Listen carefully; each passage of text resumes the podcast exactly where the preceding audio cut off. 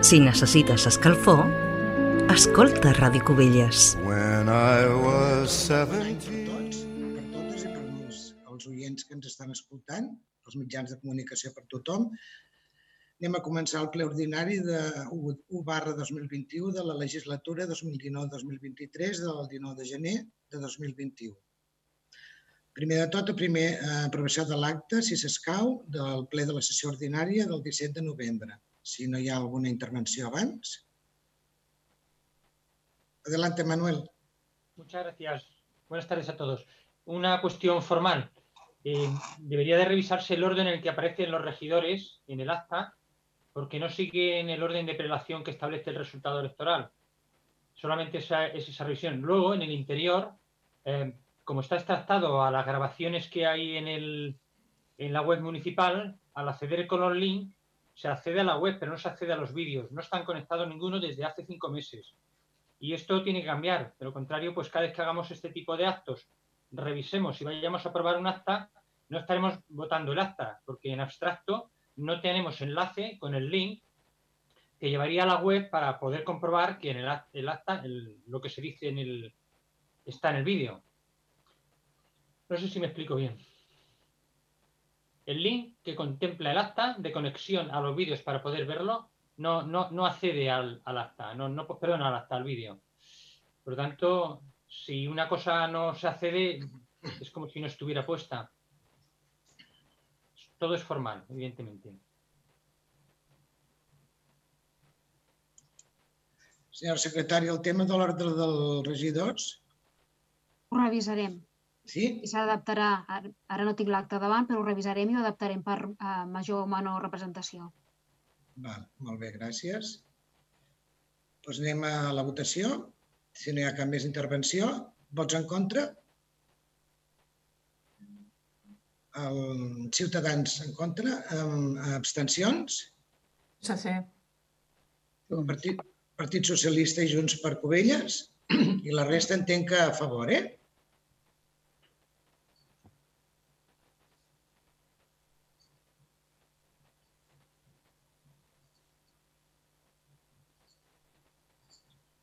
Ja està, senyora Feliu? López Feliu? El micro. A mi el micro. L'acta queda aprovada amb els vots favorables d'Unitat Covellenca, Esquerra Republicana, en Comú Podem, SG i la CUP, i els vots en contra de Ciutadans, Junts per Covelles i el PSC.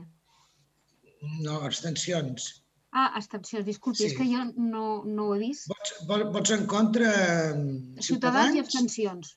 i a- abstencions, Partit Socialista i Junts per Covelles. És així, eh? Molt bé. Anem al punt següent, aprovació si s'escau de l'acte del ple de la sessió extraordinària i urgent del 9 de desembre del 2020. Alguna intervenció aquí, a l'acte?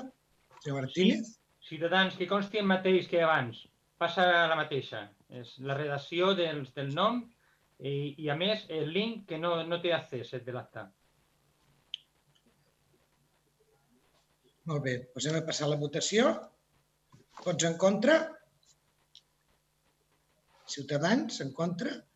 Abstencions? Partit Socialista i Junts per Covelles i la resta a favor. D'acord, senyora secretària? D'acord. Molt bé. Doncs anem al següent pas, que són informacions de la presidència. Comencem pel tema de les vacunacions.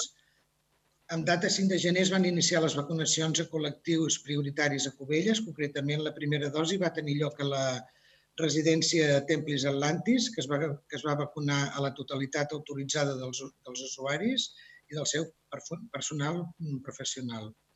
La segona dosi se'ls administrarà el 26 de febrer, és a dir, 21 dies després. També s'ha procedit a administrar, administrar les dosis de la vacuna als usuaris que ho han autoritzat de la residència Edelweiss. El 15 de gener, a més, es va vacunar tot, eh, tot el personal que no estava de baixa del centre mèdic de Cubelles, el sanitari i la resta de professionals encarregats del manteniment i la neteja. I la segona dosi de la vacuna Pfizer tindrà lloc el 5 de febrer i tot ha transcorregut segons la informació de la, de la direcció del centre eh, sense cap complicació. Una segona informació, que és el panel de polítiques públiques locals de participació ciutadana. L'Ajuntament ha rebut el setè informe eh, del panel de polítiques públiques locals de participació ciutadana dels municipis de més de 10.000 habitants. Enguany, molt centrada en la Covid-19. Es tracta d'una iniciativa en la qual hi col·labora l'Ajuntament que està impulsada per la Fundació Carles Pi Sunyer, en col·laboració amb la Direcció General de Participació Ciutadana i Processos Electorals de la Generalitat. Aquest document ha estat elaborat especialment per l'Ajuntament amb una vocació comparativa perquè serveixi de suport als tècnics i responsables de les polítiques municipals del consistori. Des de la Generalitat s'ha agraït la feina i la col·laboració de l'Ajuntament. Això, si no m'equivoco, ho han rebut avui mateix. Eh? Hi ha uns regidors que no n'eren coneixedors encara. Doncs bé, anem a passar donar comptes dels decrets d'alcaldia, vostès disposen de la informació. El punt número 5, donar decrets dels temes de personal, vostès també disposen d'aquesta documentació. Punt número 6, donar compte al ple de l'informe d'intervenció emès en compliment de l'article 218 del, del, del Real Decret Legislatiu 2 barra 2004 del 5 de març. També tenen vostès la informació. El 7, donar compte del decret de l'alcaldia 914 barra 2020 del 18 de desembre pel qual es modifica el règim general i el règim específic de les competències delegades per aquesta alcaldia a favor dels regidors i regidores de la corporació. Punt número 8. Donar compte del decret d'alcaldia número 915 2020 del 18 de desembre per qual es modifica la composició de la Junta de Govern local establerta pel decret d'alcaldia número 485 barra 2019 de data 25 de juny. Punt número 9. Donar compte del decret d'alcaldia 917 barra 2020 del 18 de desembre pel qual es modifica el nomenament dels tinents i tinentes d'alcaldia. Anem a passar a la part resolutiva. Aprovació, si s'escau, de la modificació de la designació dels membres representants de l'Ajuntament en la comissió paritària eh, es proposa la, la modificació de la designació de representant. Bueno, senyora secretària, si vol llegir els acords, sí, millor. Les propostes d'acord són les següents. Primer, modificar l'acord de designació de membres representants de l'Ajuntament a la comissió paritària, deixant sense efecte la designació del senyor Jacob Capardón Lizana i designant a la senyora Alexandra Corbillo Carmona en el seu lloc. Així, la designació de representants de l'Ajuntament a la comissió paritària restarà de la següent manera. Senyora Rosa Montserrat Fonoll i Ventura, alcaldessa. Senyora Alexandra Corbillo Carmona. Senyor Narcís Pineda i Oliva. Un regidor designat pels membres de l'oposició. S'estableix aquí eh, una, una periodicitat. Està el senyor Daniel Pérez Vilajosana, senyor Robert Monzones Gómez, senyora Renata Badós Stout i senyor Manuel Martínez Mellado. I segon, notificar el present acord als regidors i regidores interessats, als membres de la comissió paritària, als representants dels treballadors de la corporació i al Departament de Recursos Humans. Molt bé. Doncs anem a passar... Bueno, alguna, comencem per les intervencions, si n'hi ha alguna.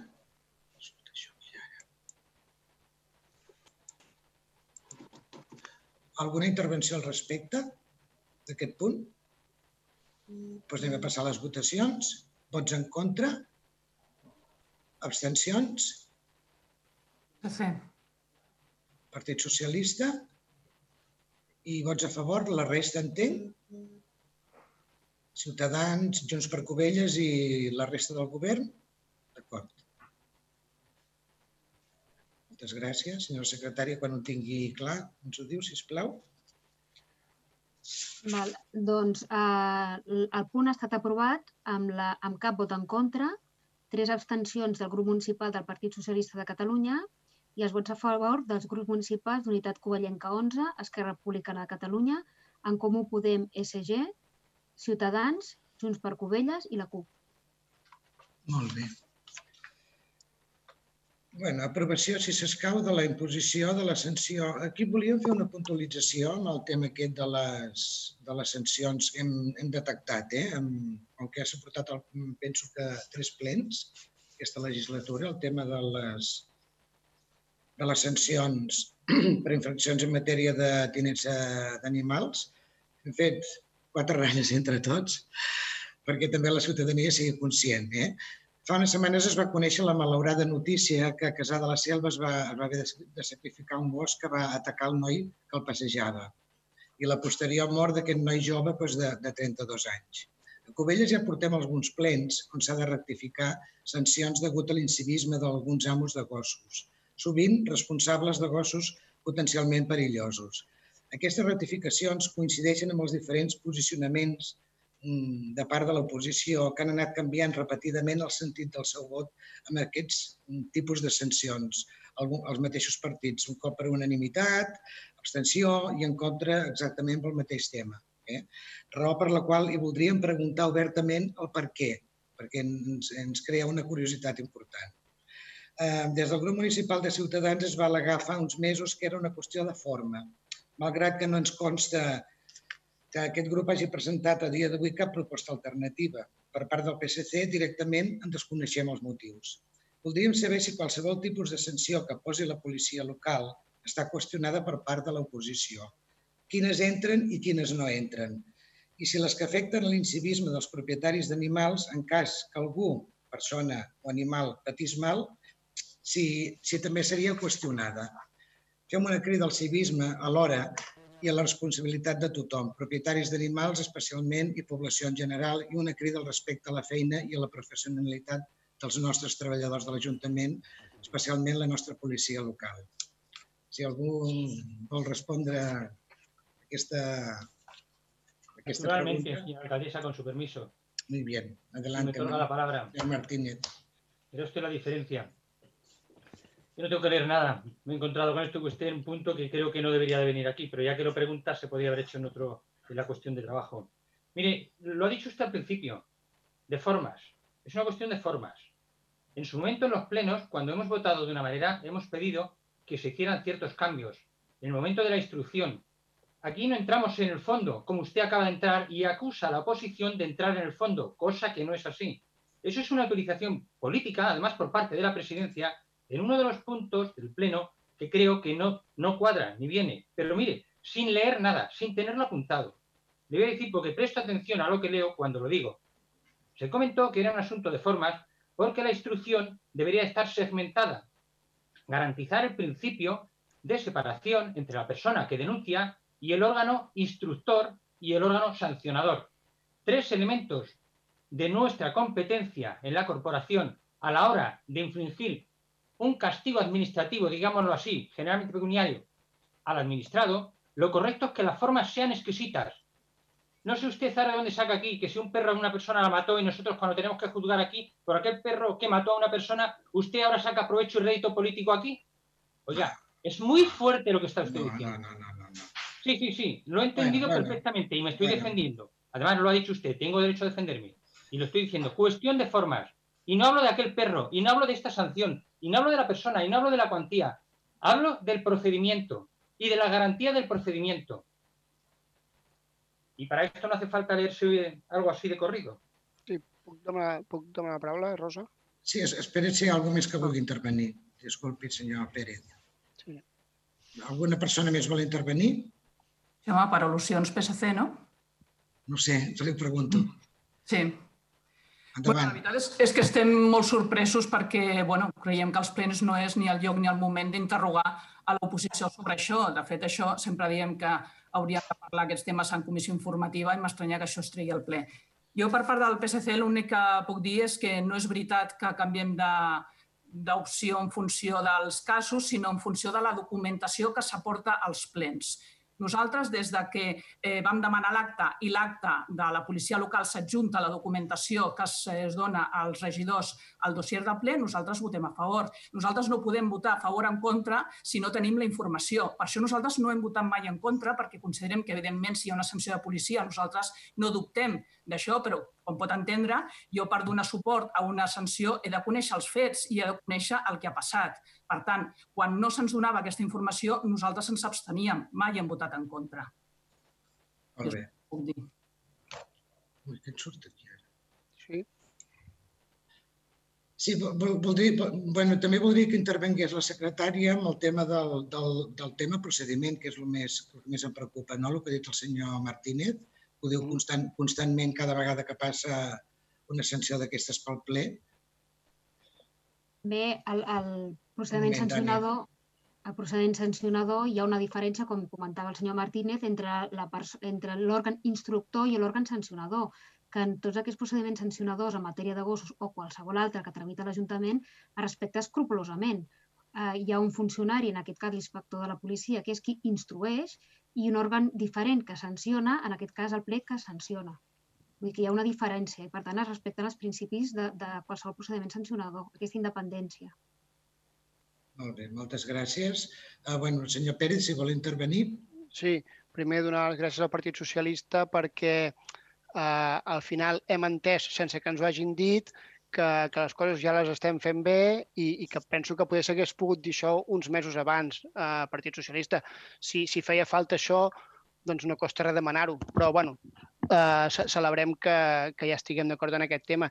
I perquè fa el cas del Partit de Ciutadans, eh, estem en el mateix. Vull dir que si aquí es venen i es diuen que les coses no es fan bé però no es proposen alternatives quan les coses s'estan fent tot, amb total normalitat com es fan a tot arreu, doncs per això les preguntes. I, i, això, i sobretot m'agradaria destacar d'aquest missatge de l'alcaldessa la crida al civisme. La crida al civisme perquè no s'hagin de sacrificar gossos per culpa dels amos la crida al civisme perquè cap persona prengui mal malauradament doncs, per culpa d'un gos i la crida al civisme a la població en general perquè siguem tots responsables. I no vull dir res més. Ja està, gràcies. Senyor Pérez, per doncs eh, nosaltres ho vam demanar des del primer dia i, de fet, recordo que vostè es queixava de que totes les comissions informatives el Partit Socialista sempre demanava el mateix i que eren molt passades les comissions informatives, sempre parlant dels mateixos temes. Bueno, I és veritat, queixava ara perquè es no fa, dèieu i res, es eh, diu, però i, es dema- i es demana i s'aporta des de que nosaltres vam demanar les actes. Ja està.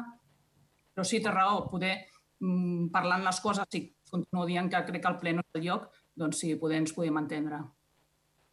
Bueno, doncs moltes gràcies per les aportacions, ha quedat clar, eh? Anem a passar um, al punt número 11, que és l'aprovació, que és de lo que es tracta. Aprovació, si s'escau, de la imposició de la sanció de multa per infraccions.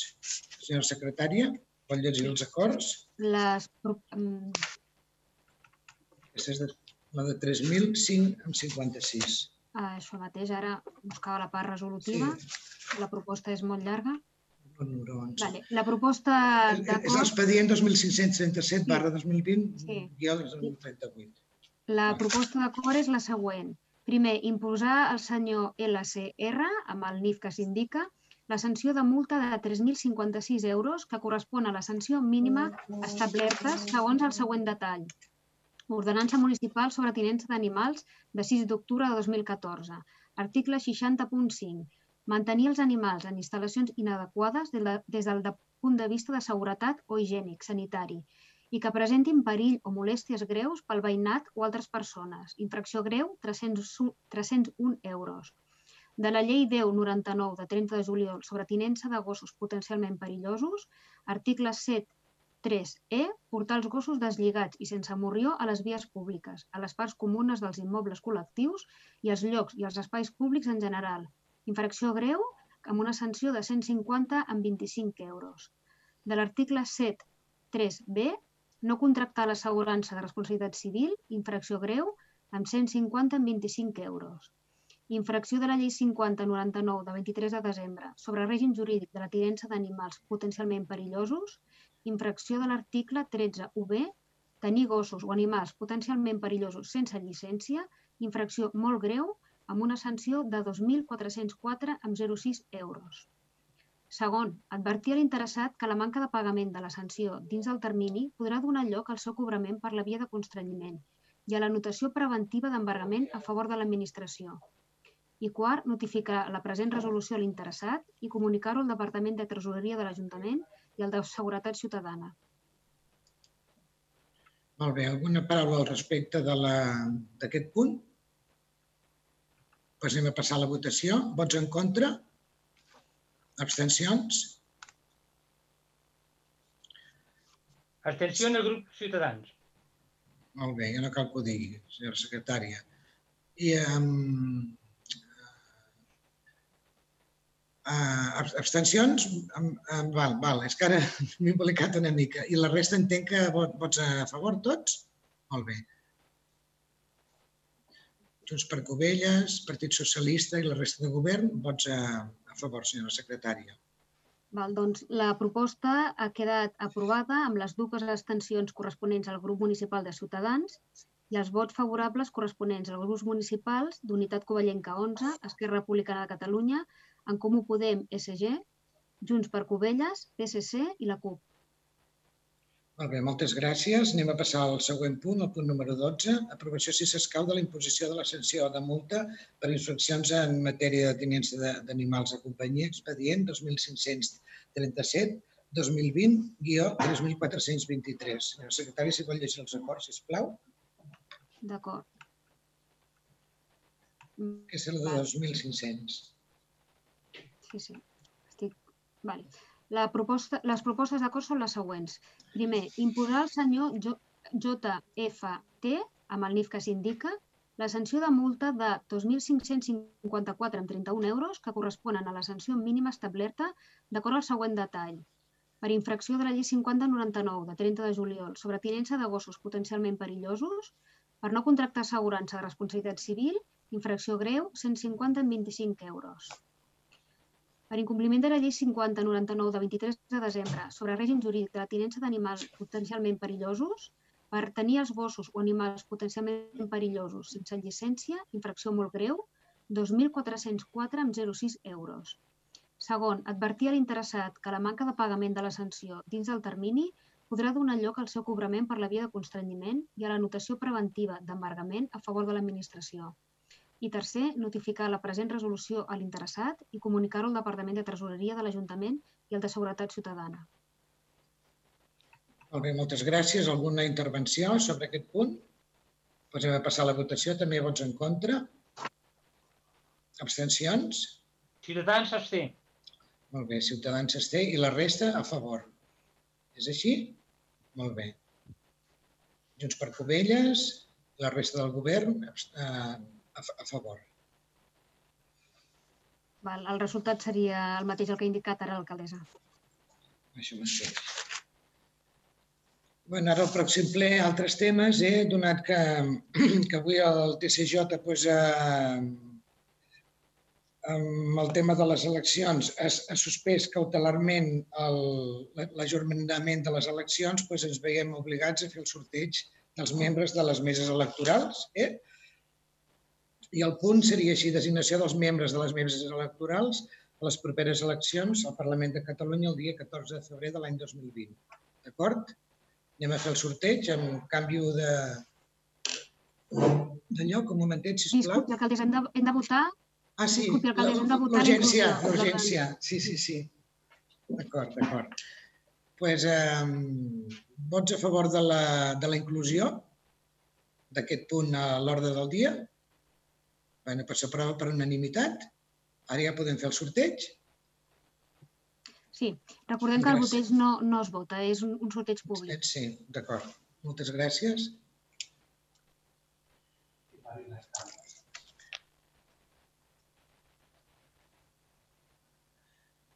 Em diuen els companys de comunicació si podeu parar les càmeres.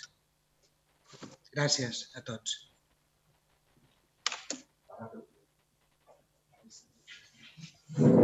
Aquí tengo el tío.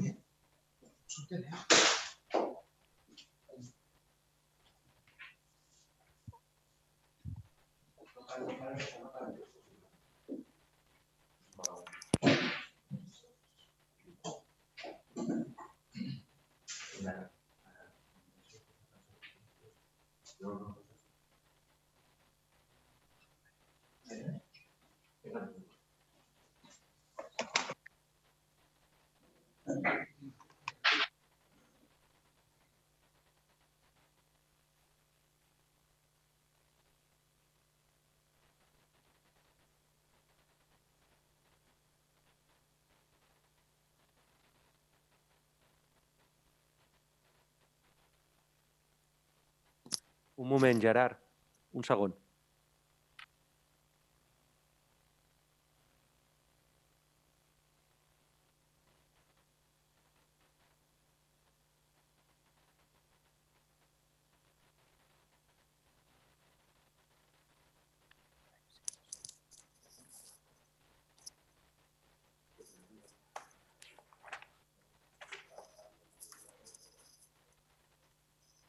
Doncs anem a començar.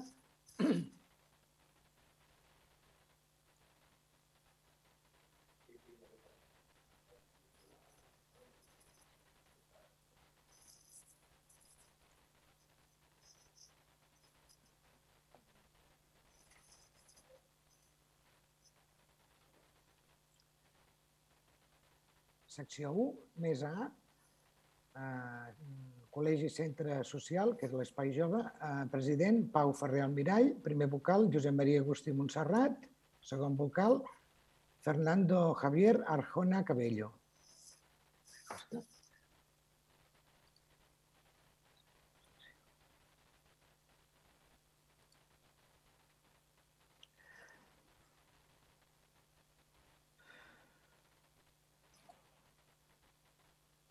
Secció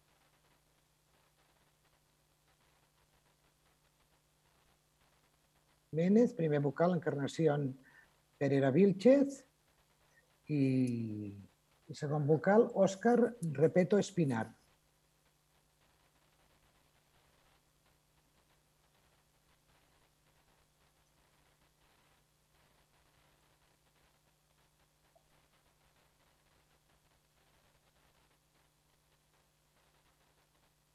Secció 2, més A, Centre Social, president Carlos Domínguez López, primer vocal José Luis Fernández Sánchez, segon vocal María José Álvarez Granados.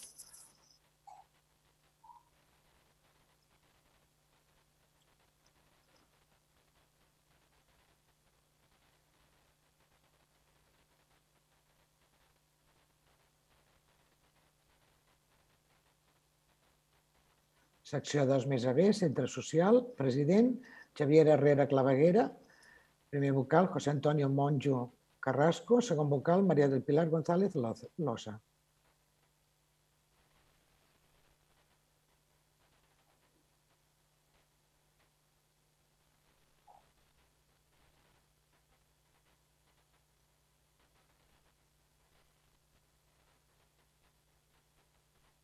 Secció 2 més a C, presidenta Immaculada Palacios Soligó, primer vocal Ariadna Rodríguez García i segon vocal Òscar Pomareta Domínguez.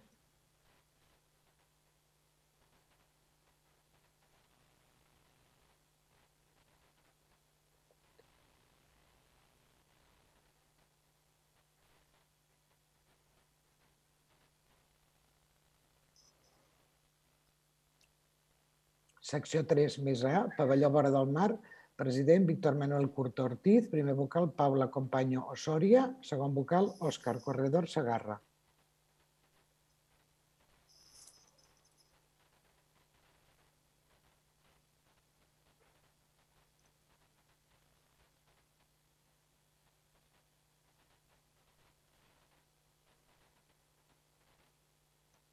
Secció 3 més a B, pavelló vora del mar, presidenta Marta Moreno López, primer vocal Anaí Danitza Montaño Vilca, segon vocal Guadalupe Martínez Ramírez.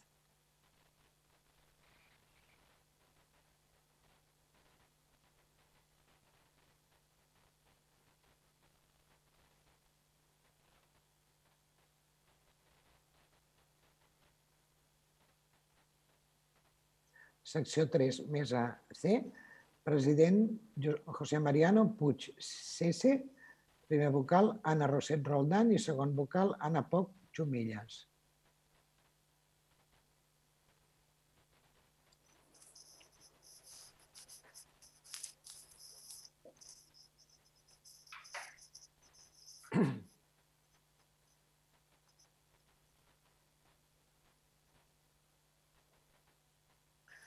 Secció 4, més A, sala sociocultural, presidenta Judit Cerda Izquierdo, primer vocal Teresa Alcaide Cruz i segon vocal Javier Chavarrías Creixenti.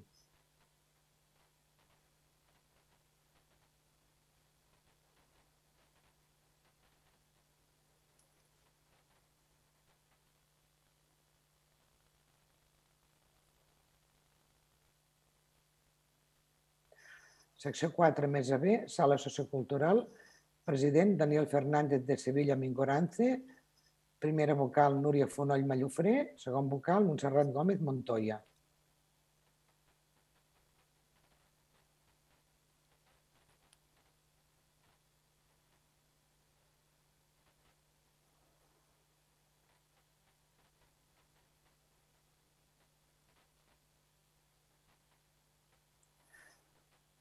Secció 4, mesa C, presidenta Sònia Izquierdo Sosa, primer vocal Eva Lis Abril, segon vocal Miguel Melero Castro.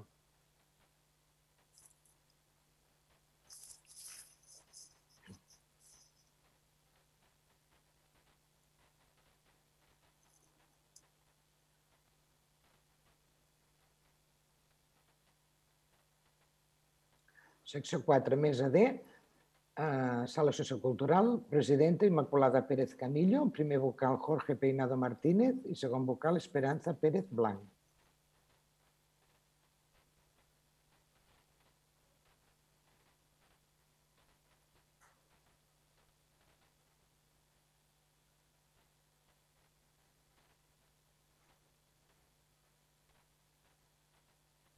Secció 4, mesa E, sala sociocultural, presidenta Gemma Sánchez Bonel, primer vocal Yolanda Anavico Montes, segon vocal José Sánchez Bosch.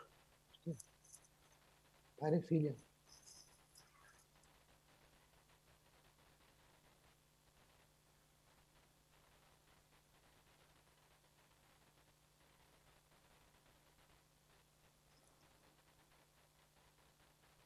Secció 5, més A, eh, pavelló 1 del poliesportiu. Presidenta Adriana Leila Almoalla Escobar.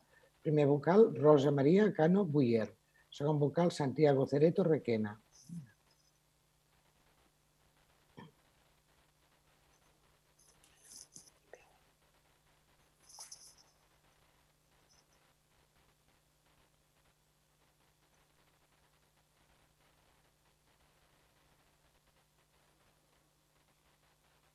Secció 5, mesa B, pavelló 1 poliesportiu, president Carlos Ferrer Silvente, primer vocal Àlex Hamad Piqué, segon vocal Juan García Grau.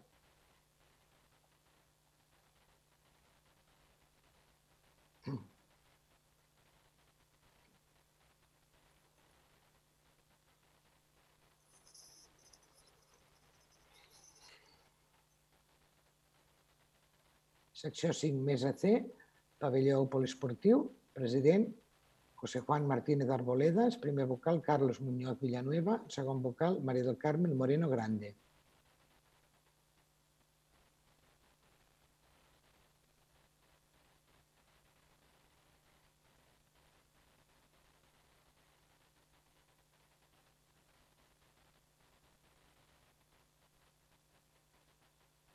Secció 5, mesa D, pavelló 1 poliesportiu, presidenta Inés Roger Dalmau, primer vocal Joana Navarrete Jiménez i segon vocal Mònica Cristina Pérez Artigas.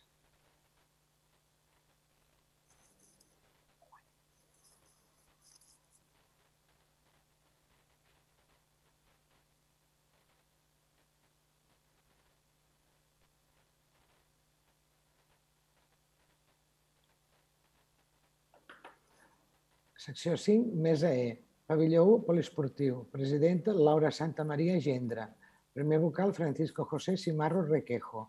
I segon vocal Marta Santa Maria Gendra.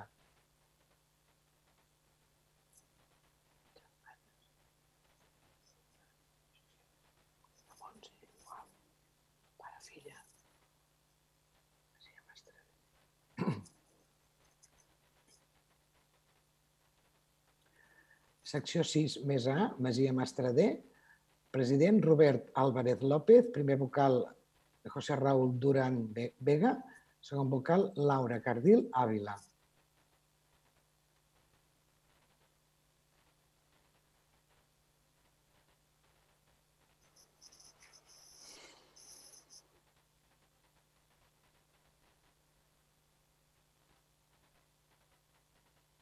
Secció 6, mesa B, Masia Mastradé, presidenta Eva Guinovart Anson, primer vocal David García Sáez, segon vocal Yolanda Jiménez Ramon.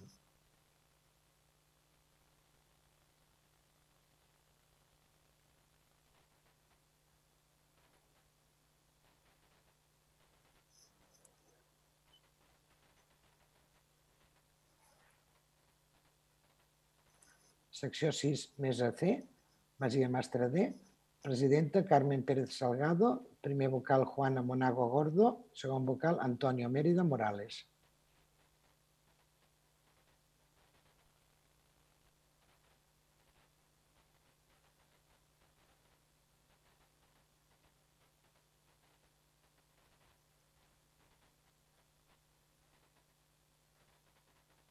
secció 6, mesa D, Masia Mastra D, President, Manuel Baro Díaz. Primer vocal, Antonio Ruiz Crespo. Segon vocal, Marcos Charrier Maceda.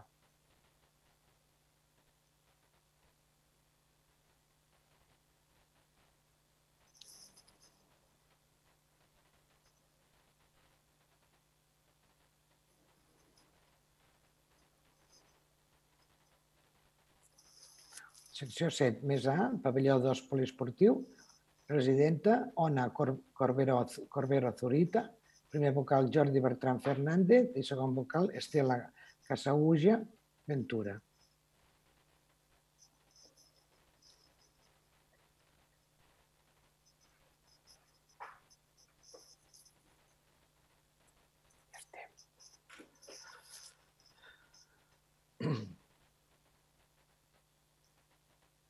Secció 7, més a B, pavelló 2 poliesportiu, president Fernando Jiménez Quílez, primer vocal Rubén García Fernández, segon vocal Miguel González Feliu.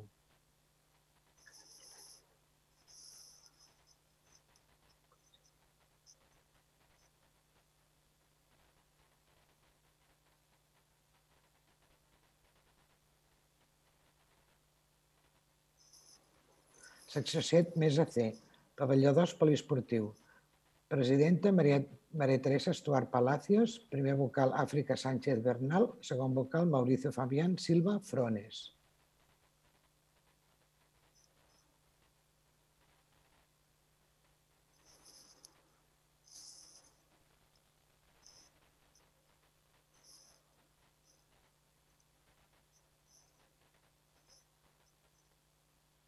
Secció 8 més A, pavelló poliesportiu, presidenta Nerea Igual Tellaetxe, primer vocal Ana Almond García i segon vocal Yaugel Leonel Céspedes Ortega.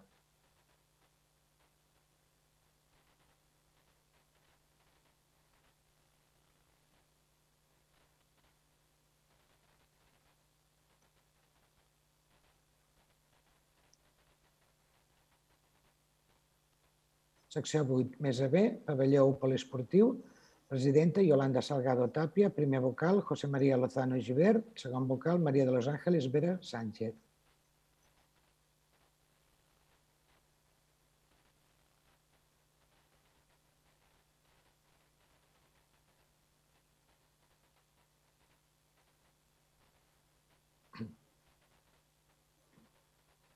Secció 9, més A, pavelló 2 poliesportiu, president Pedro González Domènech, primer vocal Ramon Enrique Almenedo Mato, segon vocal Joaquín Caballero Gálvez.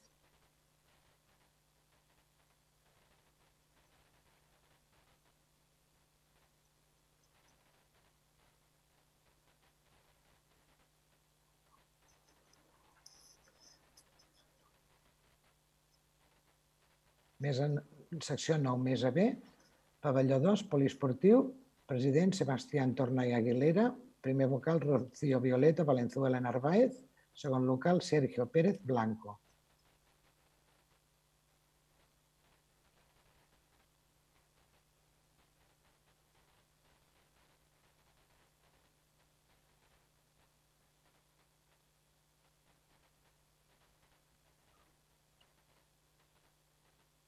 Secció 10 més A, Centre Social, Espai dels Avis, presidenta Maria Mercedes Bautista Díaz, primer vocal Mario Agúndez Quero, segon vocal José María Chinchilla Almendros. Anem per l'últim ja.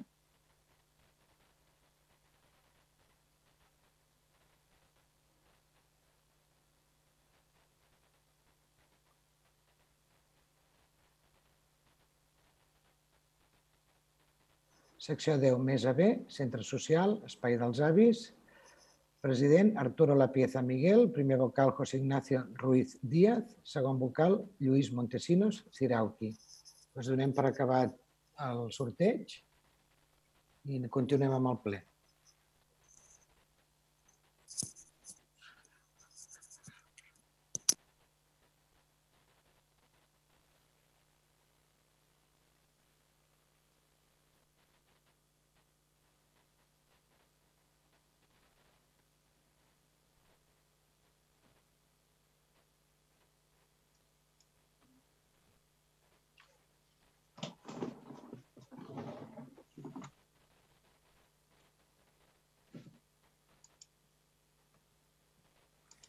A continuar amb el ple. No puc posar la càmera, em diu que l'hospedador m'hi ha... Ara t'ho fa el Víctor. Vale. Gràcies.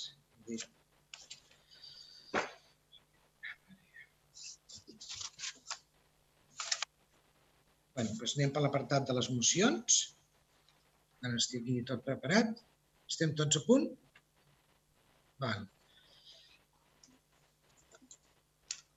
14.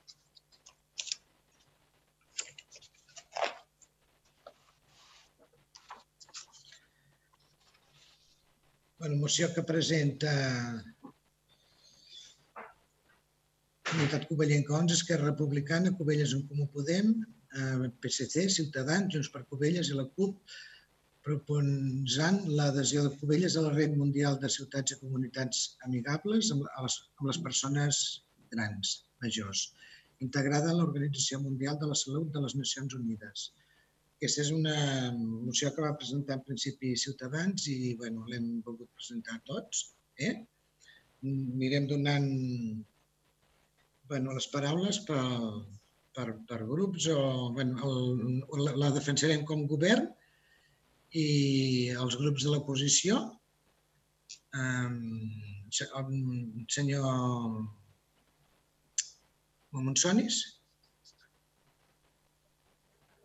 Sí, nosaltres en aquest cas donem, donem suport amb aquesta moció perquè creiem doncs, que doncs, la, les persones grans mereixen la seva atenció i estar connectats. Aquesta connexió major doncs, ens permetrà també facilitar i poder doncs, acompanyar-les millor amb totes les iniciatives compartides que es puguin fer en aquesta xarxa. Per tant, hi donarem suport. Gràcies. Molt bé, moltes gràcies. Uh, Partit Socialista. Sí, nosaltres ens va semblar bé, sí, sí. Sí, una bona sí. proposta per part de Ciudadanos i, per tant, doncs, també hi donarem, hi donarem suport. Molt bé. Um, señor Martínez. Muchas gracias. Primero, agradecer a todos los grupos. Sí, igual. Sí. Y, evidentemente, la moción es, está encarada a las personas mayores, a unos compromisos y la aceptación por parte de los grupos es de asumirlo. El hecho de que el gobierno de, la localidad de Cubellas la haya hecho también suya, pues es muy importante porque significa un compromiso con, un sector, la verdad, muy desfavorecido y ahora mismo, además, muy está acusando muchísimo la pandemia y es, lógico que empecemos a, a, preocuparnos por ellos. Yo poco más puedo decir como impulsor. vuelvo a agradecer la adhesión. Muchas gracias. Señora Corbillo. Si vol intervenir com a regidora de l'àrea.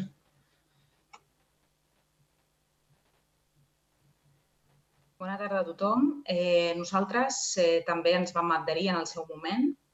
Eh, sí que mm, volia puntualitzar que, bueno, que nosaltres ens vam adherir en aquell moment perquè nosaltres eh, en tota aquesta legislatura hem mostrat que tenim l'esperit de construir una, una Covelles amigable per la gent gran. De fet, hem impulsat serveis com el servei d'assistència domiciliària mm, eh, pel, pel Covid, en el que bueno, ja sabeu, com ja sabeu to, tots i totes, i, i ja hem comentat algun cop, era aquest servei domiciliari quan estaven confinats, que bueno, eh, van, van muntar, vam organitzar tot un, tot una brigada perquè pogués donar als, a les àvies i als avis doncs, si necessitaven pa, medicaments, etc. Eh, després hem fet accions de reconeixement també i d'estima cap a ells, com els àpats solidaris o aquest reconeixement amb la planta de Nadal. També eh, va sortir eh, publicat a la revista Comunica doncs, que estem cada cop més a prop de tenir un centre de serveis per la gent gran. I bueno, eh, per això en aquell moment, en la comissió informativa, eh, vam, vam decidir adherir-nos.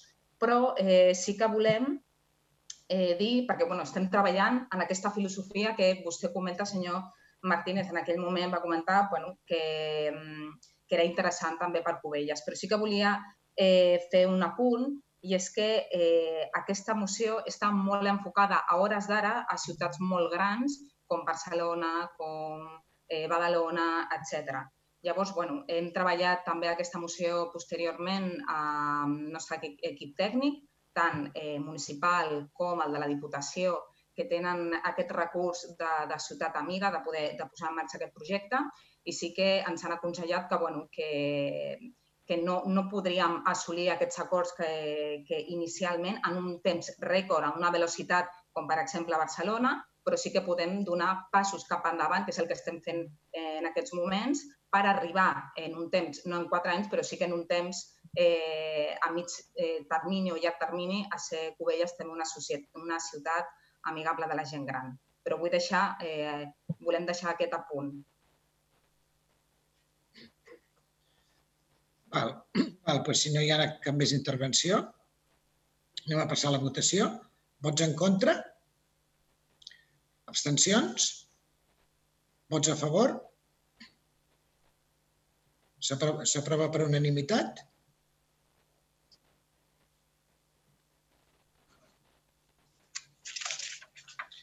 Anem a passar a la següent, la 14.2. Moció que presenten els grups municipals de Ciutadans i, i mm, de Covelles pel reconeixement social i laboral del personal del Servei d'Ajuda a Domicili, el SAT. Si quiere hacer su exposición, el señor Martínez, o bueno, ya lo hemos visto todos, sí. como quiera. Sí, agradecer la adhesión al PSC. Eh, ahora es conjunta, ahora realmente somos los dos los que la vamos a, a presentar. Ah, sí, eh, es que yo tenía mal escrito. Voy a, voy a leerla de una manera un poquito más sintetizada a como la expusimos en la comisión informativa con los detalles sí. y iremos un poco más rápido. La crisis del COVID-19 está afectando de forma muy directa a muchos sectores, entre ellos los servicios sociales, que son el conjunto de intervenciones que tienen como objetivo garantizar las necesidades básicas de los ciudadanos manteniendo su autonomía personal y promoviendo el desarrollo de las capacidades personales en un marco de respeto por la dignidad de las personas. Los ayuntamientos, como administración más cercana al ciudadano a través del Servicio de Ayuda a Domicilio, SAT, dependiente de los servicios sociales municipales, han tenido que reorganizarse manteniendo unos servicios básicos esenciales a la población más vulnerable, extremando las medidas generales de prevención y actuación recomendadas por las Consejerías de Salud y Bienestar Social de la Generalitat de Cataluña adoptando medidas e incrementando las ya existentes. La presión asistencial va en aumento y el colectivo de trabajadores que conforman el Servicio de Ayuda Domiciliaria SAT está prestando este servicio esencial de forma presencial desde el primer momento de la declaración del estado de alarma, realizando dichos servicios en los domicilios dirigidos a personas dependientes y vulnerables, principalmente a personas mayores que viven solas o personas con discapacidad. Los trabajadores del SAT han seguido prestando el servicio directo desde los ayuntamientos con una gran implicación, gran desgaste físico, emocional y con pocos medios para defenderse y protegerse, junto con la angustia generada por el desasosiego de contagiar a los usuarios o a sus familiares. Desde las administraciones públicas a veces se llega incluso a invisibilizar su trabajo, por lo que es necesario que la propia administración y el conjunto de la sociedad reconozca el trabajo ingente llevado a cabo por este colectivo y que repercute directamente a los colectivos más vulnerables. El Gobierno de la Generalitat ha publicado mediante resolución TSF 2123 de 2020, de fecha 9 de septiembre, la convocatoria de ayuda directa en favor de las personas trabajadoras de los centros proveedores de servicios sociales de carácter residencial, con financiación total o parcialmente pública, prevista en la disposición adicional segunda del decreto 2420, perdón, 2020 de 16 de junio, de medidas extraordinarias en materia de personal. Además, el decreto ley de gratificación extraordinaria con motivo de la pandemia generada por el COVID-19 recoge que se recompensará el esfuerzo y las horas extras realizadas por el personal sanitario y también incluirá una paga para las personas trabajadoras de las residencias de ancianos y de personas con discapacidad. La cuantía de la ayuda extraordinaria será según categoría profesional de pago único, de acuerdo con el artículo 2.2 del citado decreto. Hay que tener en cuenta que el Gobierno de la Generalitat ha excluido de esta gratificación, repito, ha excluido de esta gratificación extraordinaria al personal de limpieza, al de cocina y al de lavandería, que indudablemente han asumido, como el resto del personal que van a ser gratificados, verdaderos riesgos durante la pandemia con gran dedicación y esfuerzo físico y psicológico. La labor de este personal también ha tenido especial relevancia debido a las fuertes medidas de higiene y desinfección necesarias durante la crisis del COVID-19 y, por lo tanto, debe ser también recompensada por el Gobierno de la Generalitat, ampliando esa gratificación extraordinaria al personal de limpieza, cocina y lavandería, evitando así que haya trabajadores del sector de primera y de segunda, cosa que ocurriría si el Gobierno de la Generalitat no modificase esa resolución. Por todo lo anterior, el Grupo Municipal de Ciudadanos de Cubellas propone la adopción de los siguientes acuerdos. Primero, instar al Pleno del Ayuntamiento al reconocimiento social y laboral de los trabajadores del Servicio de Atención Domiciliaria SAT, que atiende a las personas consideradas colectivos vulnerables en el municipio, así como reafirmar la importancia y la esencial labor que lleva a cabo todo el personal que conforma el SAT del municipio de Cubelles y a reforzar la supervisión y el control de la calidad de servicios de atención domiciliaria SAT para garantizar la calidad que presta y la situación actual de los servicios realizados. Segundo, instar al Ayuntamiento de Cubellas a velar por las competencias municipales que posee para garantizar el cumplimiento de la normativa de salud laboral, la formación y los derechos laborales de este colectivo. Tercero, dotar de los medios técnicos, económicos, para mejorar los convenios y contratos del sector que garanticen los derechos laborales de los trabajadores, así como la prestación de servicios. Cuarto, coordinar junto con el Gobierno de la Generalitat de Cataluña y el Departamento de Trabajo, Afers Socials y Familias el blindaje de los derechos laborales contra la precarización laboral del Servicio de Atención Domiciliaria SAT. Quinto, instar a la coordinación con el Gobierno de la Generalitat de Cataluña para hacer extensiva la gratificación extraordinaria que recibirán los profesionales de las residencias por su trabajo, prestando atención a las personas mayores durante la crisis del COVID-19, a los trabajadores del Servicio de Atención Domiciliaria SAT del municipio de Cubellas. Sexto, instar al Gobierno de la Generalitat de Cataluña a cumplir con el punto 151 de la Resolución 911-12 del Parlamento de Cataluña sobre la orientación política general del Gobierno a fin de modificar urgentemente la Resolución TSF 2193 de 2020, de 9 de septiembre, mediante la que se aprueba la convocatoria de ayudas directas en favor de las personas trabajadoras de los centros proveedores de servicios sociales de carácter residencial, extendiendo la gratificación extraordinaria al personal de limpieza, cocina y lavandería, de los centros proveedores de servicios sociales de carácter residencial. Disculpen. Séptimo, instar al Gobierno de la, de la Generalitat de Cataluña a cumplir con el punto 63 de la resolución 849-12 del Parlamento de Cataluña sobre la gestión de las residencias para gente mayor y para personas con discapacidad durante la pandemia de COVID-19, a fin de Tener en cuenta a todos los trabajadores de atención a la dependencia en relación a la gratificación extraordinaria que recibirán los profesionales que, durante la crisis de la COVID-19, han prestado atención a la gente mayor independientemente de la titularidad de la gestión. Segundo, impulsar en colaboración con los ayuntamientos la extensión de la gratificación extraordinaria que recibirán los profesionales que durante la crisis de la COVID-19 han prestado atención a la gente mayor, a los trabajadores de los servicios de atención domiciliaria, y esto ha sido el final, pero me gustaría hacer una, puntuación, una puntualización respecto al punto tercero, si es posible hablarlo con secretaria, ver el apartado, es que eh, el punto dice dotar de los medios técnicos y económicos. Yo creo que, que, convendría redactarlo en nuestro ayuntamiento, dotar de los medios técnicos y, en su caso, económicos.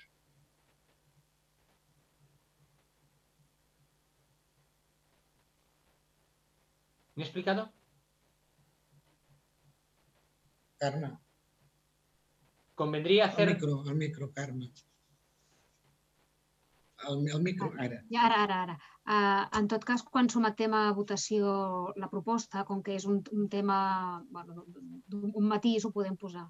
I així li sembla al senyor Martínez, incluimos en su caso, porque incluso nos estamos comprometiendo ahora a nada a nivel presupuestario. De eso se trata, para no comprometerse económicamente con algo que ahora mismo no cuenta con las partidas presupuestarias.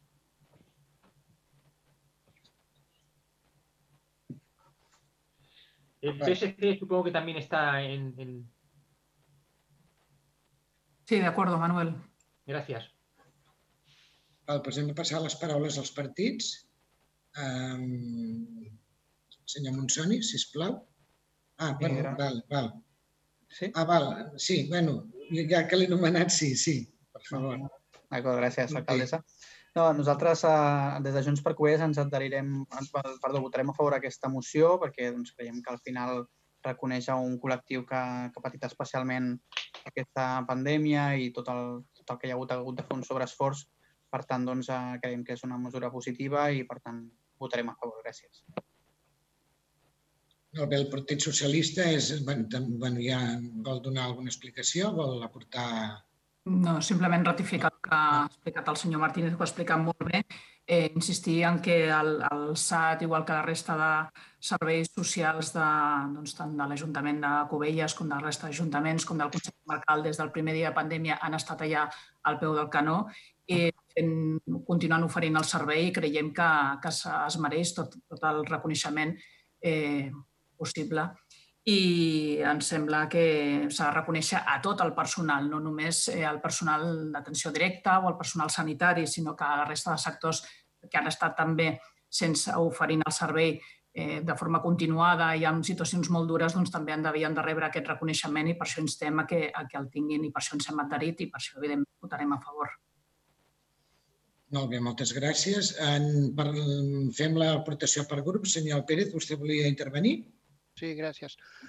A veure, la CUP està a favor de, de part del que es demana aquesta moció, sí que hi estem a favor i s'ha reclamat en altres, en altres instàncies. El que sí que estem en contra és el que hem denunciat ja des de l'inici de la legislatura, que aquí venim a treballar per Covella, senyor Manel, i, i no a fer campanya electoral de Ciutadans per les eleccions de la Generalitat de Catalunya eh, aquí la moció aquesta, tot és instar al departament de no sé qui, instar a la Generalitat, coordinar con no sé qui. Escolta'm, això, això és l'Ajuntament de Cubelles. Uh, després, aquesta moció s'ha presentat a diferents ajuntaments i a vegades s'ha aprovat pues, per unanimitat, però no és la mateixa moció que ha presentat vostè aquí. A altres punts hi havia 10 punts, aquí n'hi ha 6 retallats i barrejats de les altres mocions i pensem que sí que seria bo en tot cas, ja que qui ha de posar el recurs aquí és l'estat espanyol i la Generalitat de Catalunya, doncs que l'estat espanyol proporcioni els recursos necessaris en lloc d'escanyar financerament a la Generalitat de Catalunya. Com a Ajuntament de Cubelles o com a CUP de Cubelles, sí que podem instar la Generalitat a fer moltes coses, però penso que era un puc comprometre per altres partits. Aquí sí que veig que Junts per Catalunya el partit de Junts per Covelles sí que ha donat suport a aquesta moció, entenc que ell ho reclamarà a la Generalitat de Catalunya i que la Generalitat doncs, doncs donarà aquests diners a l'Ajuntament doncs, perquè pugui treballar i finançar tota aquesta obra faraònica que vostè ens està, ens està proposant aquí. Nosaltres no hi podem votar-hi a favor perquè no em puc comprometre per altres polítics, em puc comprometre per mi, però no per d'altres. Per tant, no, no hi votarem a favor. Gràcies. Tot i que hi estem d'acord, eh? Senyora Corbillo, crec que, gràcies, senyor Pérez, crec que vostè volia intervenir també com a regidora. Endavant, em pugui. Gràcies. Sí. Eh, nosaltres, eh, com a govern, votarem en contra perquè bueno, considerem que aquesta moció, tot i que ens solidaritzem amb, amb tots aquells treballadors, aquelles dependències municipals que estiguin patint aquesta situació, eh, un cop més, eh, doncs, bueno, no és la realitat eh, de Cubelles. Per tant, no podem aprovar acords que no, no són aplicables a la realitat de Cubelles. De fet, un dels acords diu instar a la coordinació con el gobierno, con el eh, Govern de la Generalitat de Catalunya para hacer extensiva la gratificación extraordinaria que recibirán los profesionales de las residencias por su trabajo prestado, eh, la crisis del COVID y a los trabajadores del SAT del municipio de Cubelles clar, jo no sé vostès si saben que a Covelles de moment no tenim eh, dependències eh, municipals en quant a centre obert, ai, eh, centre de serveis, eh, residència municipal, etc. Eh, tampoc sé si sou coneixedors si eh, les treballadores del SAT, dic les treballadores perquè ara mateix són tres, eh, dones, estan patint aquesta situació. Llavors, bueno, eh, encara, i torno, em torno a reiterar, per part del govern, encara que ens solidaritzem amb els treballadors de dependències municipals d'altres municipis que es trobin en aquesta situació, de fet, som coneixedors que hi ha algun municipi de la nostra comarca que sí que es troba en aquesta situació, estem eh, totes i tots nosaltres per treballar per Cubelles i adaptar-nos a la nostra realitat. Llavors, eh, quan mm, l'Ajuntament de Cubelles, de fet, ha reforçat el servei d'assistència domiciliària amb una treballadora més i, i bueno, igual que amb l'anterior moció, doncs, amb aquesta més claretat encara, són mocions que apliquen altres municipis i que ens agradaria que presentessin vostès doncs, mocions aplicables a la realitat de Cubelles doncs, per, per, el treball sigui molt més eficient eh, insistim, independentment que reivindiquem aquesta moció en aquests municipis, que es veien efectes a aquests treballadors, eh, però no podem aprovar acords que no podem complir perquè no ens afecta i també instem a no solament a la Generalitat a treballar plegats per la millora dels recursos socials, sinó també al govern central. Gràcies. Moltes gràcies. Alguna intervenció més per algun grup? Pues anem a passar a la votació. Perdón, perdón. Si me permite, voy a contestar a, a lo que se me ha dicho. Sí, sí. Esperaba que hubiera alguna intervención más por parte del Gobierno. Bueno, principalmente es con la regiduría de, de Bienestar Social que, que, en este caso pues no estoy de acuerdo en, los argumentos que ha dado para, para, rechazarla, pero lógicamente esto de que presentáramos mociones de población para que así la pudieran estudiar, estamos no hartos porque no estamos hartos en absoluto, pero hemos presentado muchas mociones de población, no solo para su, para su regiduría, para otras. Y la verdad que siempre las, las van rechazando porque las presenta Ciudadanos. Mire, basta la intención de las, en las for, y las formas para darse cuenta cuando quieren aprobar una cosa, porque les interesa políticamente, que cuando van a retorcer el contenido para decir que Ciudadanos va a lo fácil, utiliza las mociones como política. Mire, es que yo estoy aquí por política, no estoy aquí para verle la cara a, mucha gente. La verdad que estoy aquí por política. Me agrade o no me agrade, pues tengo que dedicarme a ella y la política conlleva que a veces tienes que hacer pronunciamientos políticos. No todos son actos, muchas veces son políticos. No estaré yo bastante, voy a decir hasta aquí, de que hagan mociones, incluso plenos extraordinarios que cuestan el dinero para hacer, para recabar que alguna persona sea nombrada non grata para cosas parecidas, que desde luego que tiene eso de política. La verdad es que ustedes son los que tienen la mayoría, la utilizan y evidentemente la moción se rechaza, pero no porque sea una mala moción, no, sino simplemente porque la presenta Ciudadanos. Bueno, muchas gracias. Si les parece, doy comienzo a la siguiente cuando la señora presidenta me autorice. Bueno, anem a passar a la votació, no? Un moment, Rosa, només puntualitzar el senyor Manel que la, la moció d'abans s'ha aprovat i també la presentava Ciutadans junt amb d'altres partits, eh? Vull dir que no, no sé a què ve això de si la presentació de Ciutadans no s'aprova. Vull dir, anem a parlar seriosament, si us plau. Bueno, no, no, no cal a vegades. Bueno, si él tiene derecho a, re, a replicar eso, tendré yo derecho a decirle que, que gracias por haberlo aprobado, ¿no? Supongo que tendré que agradecérselo personalmente a él, ¿no? Anem a passar a la votació, si els sembla, amb l'esmena, aquí hi havia la petita esmena aquesta que dèieu, una puntualització. Senyora secretària, amb aquesta, no? Sí, sí, sí si s'escau. Exacte. Bé, doncs, in, incloent aquest si s'escau, vots en contra de la moció? Abstenció? Eh, això, perdoneu, vots en contra? Abstencions? Vots a favor? Amb l'aprovació de... amb els vots en contra del govern i la resta amb l'aprovació dels partits de, de la resta del govern. Exacte. La moció queda denegada amb els vots a, farols, a favor del grup de Ciutadans, Partit Socialista de Catalunya, Junt per Covelles, cap abstenció i els 10 vots en contra dels partits d'Unitat Covellenca 11, Esquerra Republicana de Catalunya, En Comú Podem, SG i la CUP. És, és correcte. Anem a passar a l'apartat de... Si no hi ha cap més moció, en principi no. Anem a passar a l'apartat de, de pregs. Perdón, hay, hay otra moción. Ai, sí, perdone, perdone, perdone. Sí, senyor.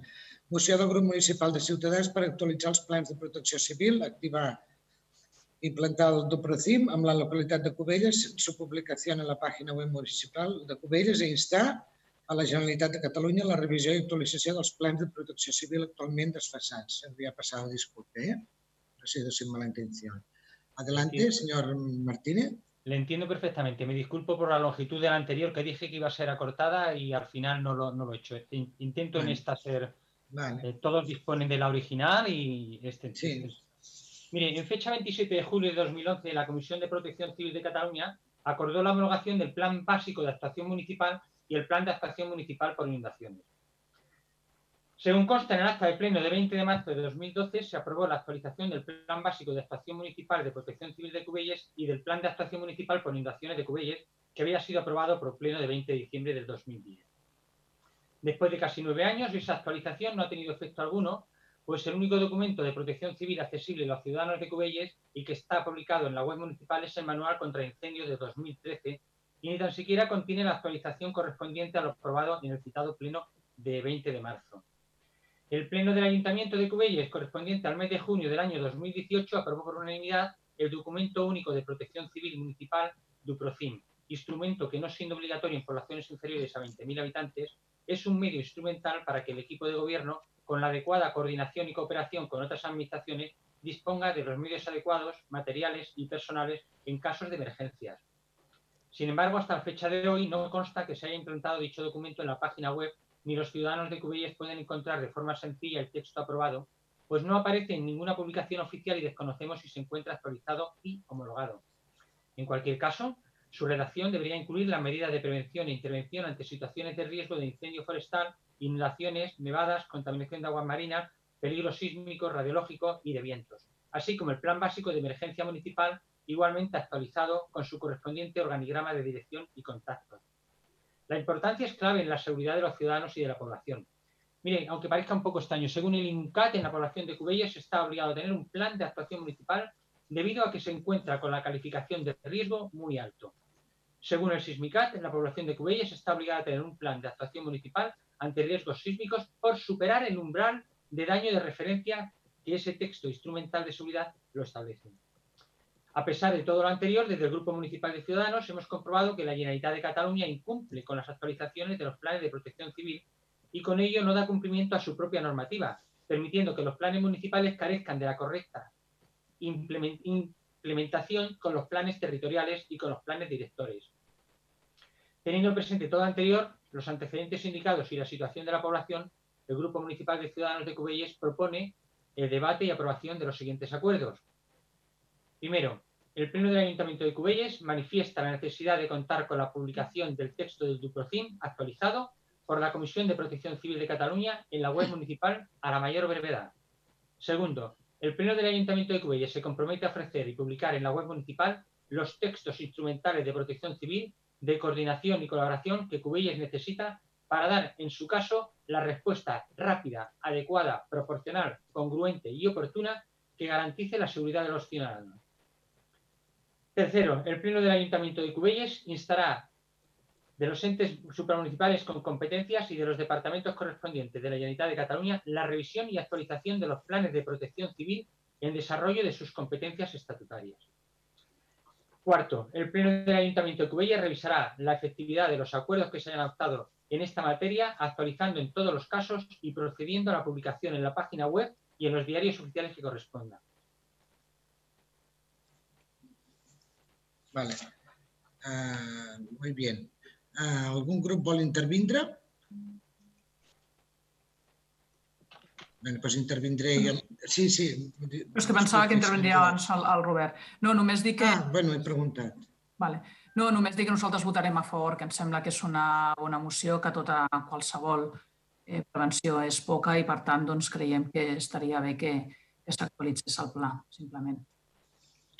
Molt bé, voldria donar una explicació com a govern. Aquest, ple, aquest pla de protecció civil es refereix a, que refereix a la moció en si, el Dupracim, que es va dur a terme al ple per la seva aprovació el 19 de juny de 2018, va ser aprovat per unanimitat.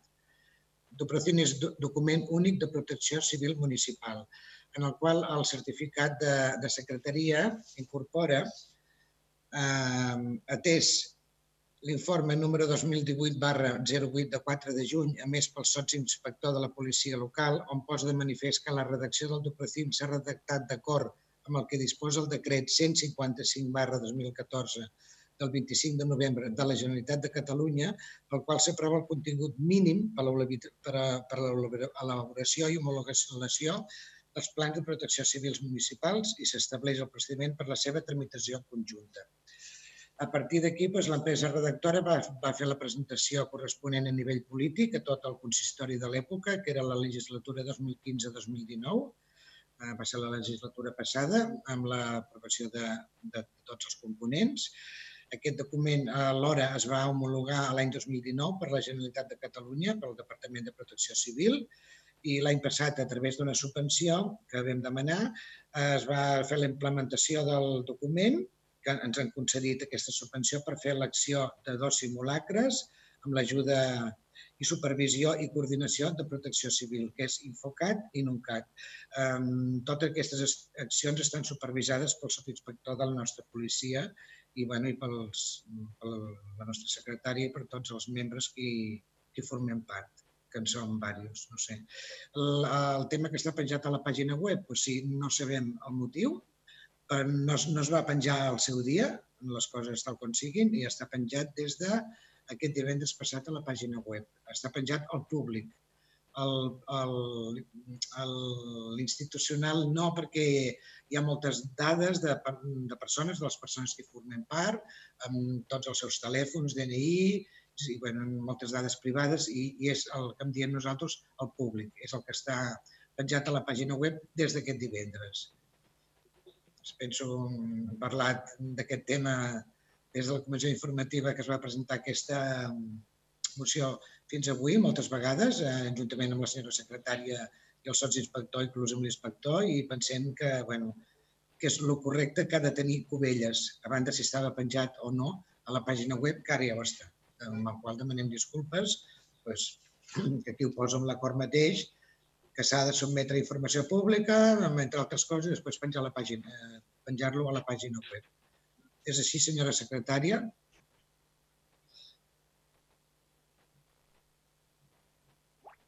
No sé. Bueno, doncs, potser no... Bueno, doncs, eh, doncs és així, el que l'he explicat. M'ha sentit? És que no, no, la, no la sento. Ai, disculpi, alcaldessa, és que no, no em pensava que s'adreçava a mi. Sí, sí, és com vostè ho ha explicat, eh? Mm. Ho hem, ho hem estat treballant aquesta setmana sí, sí, sí, sí. Una, entre la, la policia, els caps de la mm. policia local i, bueno, i doncs, això és el que li explicàvem al senyor Martínez i a part de la resta de, del plenari.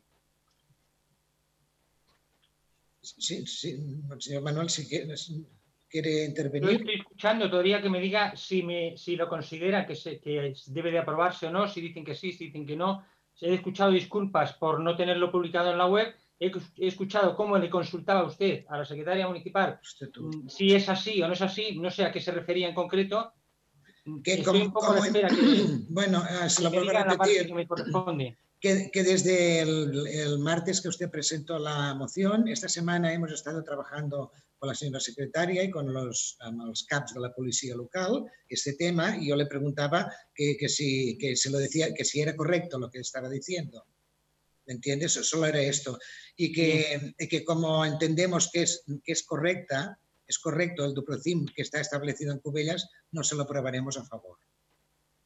Quizá, quizá me he descuidado esto. ¿Que sí o que no? Que no. Bien. Bueno, pues entonces ahora hay alguien más para que yo pueda debatir lo que alguien que quiera decir algo más sobre esto. Empiece, empiece, por favor.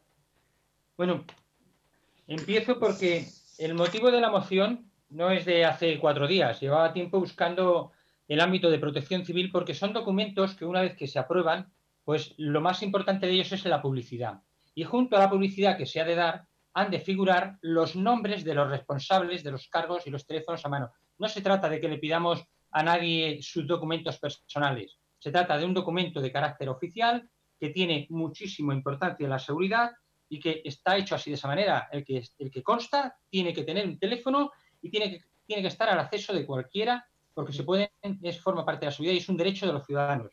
Entonces, bien, usted se ha disculpado de que, de que no esté. Pero esto el que hay colgado es desde 2013. Usted es la máxima responsable. Desde 2013 ahora han pasado otros gobiernos que también lo tendrían que haber hecho.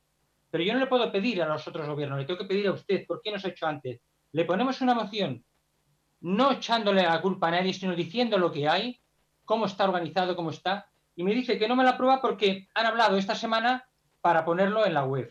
No, bueno, pues la verdad que no, ustedes mucho no, no, no, no, no, no. no. sí, sí, sí, continúe, continúe. Disculpe, eh, disculpe, déjeme terminar. está, disculpado en todo. sí, sí, sí, sí, sí, eh, pero vamos a ver.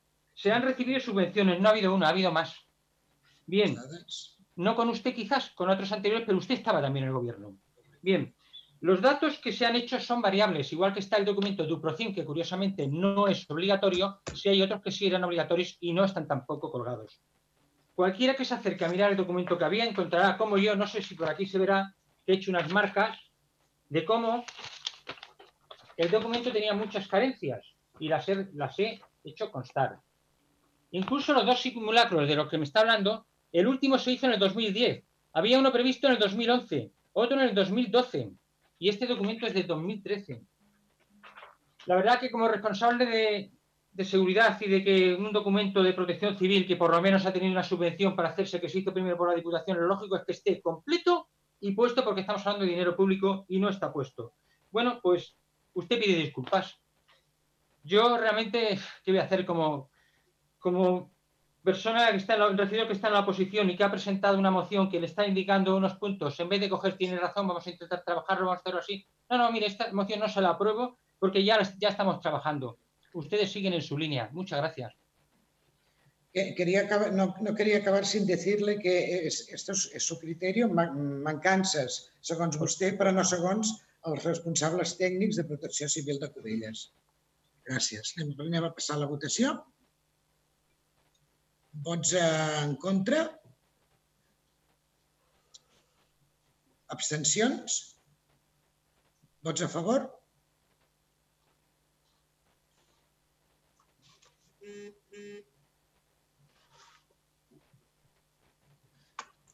Està el cas, senyora secretària? Ah, no, sí. Mm, doncs si podia... És que tinc la pantalla partida, vale. si pogués... Uh... Vots, vots en contra del govern? Eh, abstencions, no recordo ara, la veritat. A cap i la resta a favor.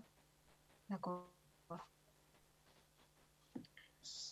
Llavors, la proposta queda desestimada amb els vots a favor de Ciutadans, Junts per Covelles i PSC i els vots en contra dels grups d'Unitat Covellenca, Esquerra Republicana, En Comú Podem eh, i la CUP.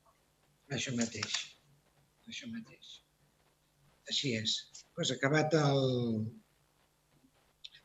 aquesta moció anem a passar altres mocions que abans ja havia adelantat, que no n'hi ha. Els pregs. Els pregs. Eh, algú té un prec per anar preguntant un per un. El senyor Monsònix. I la resta, el, el pregs. Pregs no, tenim preguntes nosaltres. Val. SC sí. Val, SC. Senyor eh, eh, Garcia. Penso que vostè vol dir, oi? Sí. Endavant, sisplau. Bueno, uh, preguem que l'Ajuntament, perdó, que m'he confós de, de prec, preguem que l'Ajuntament formalitzi una nova queixa formal a Correus. El servei no és tan sols deficitari, sinó que és totalment ineficient. Cartes entregades amb adreces errònies o directament extraviades, certificats sense entregar i retard incomprensible amb l'entrega del correu. Aquest servei que no funciona genera en la ciutadania impotència, pèrdua de documentació, en alguns casos indefensió i en d'altres incompliment de terminis que, per no rebre temps de correspondència. Segon prec. Preguem que l'Ajuntament, i en previsió de futurs festejos amb focs d'artifici, estudiï sistemes alternatius només amb lluminàries, però sense la necessitat de l'explosió de pólvora, amb les conseqüents molèsties a ciutadans, animals o a l'entorn urbà o natural. Tercer prec. Preguem que l'Ajuntament faciliti de forma clara les dades Covid al nostre municipi, amb l'única finalitat de facilitar el coneixement i estat de la pandèmia a Cubelles, evitant-se així males interpretacions o interpretacions malintencionades que només generen confusió i generen terreny abonat a aquells que només busquen utilitzar aquestes informacions per, per finalitats no gaire clares, destinades a donar a abonar les teories conspiranoiques o negacionistes. Preguem que l'Ajuntament, quan disposi d'informació oficial sobre la vacunació Covid, la faciliti d'una forma clara amb la facilitat de poder preparar la ciutadania i evitar també confusió i males interpretacions com a dia d'avui està succeint.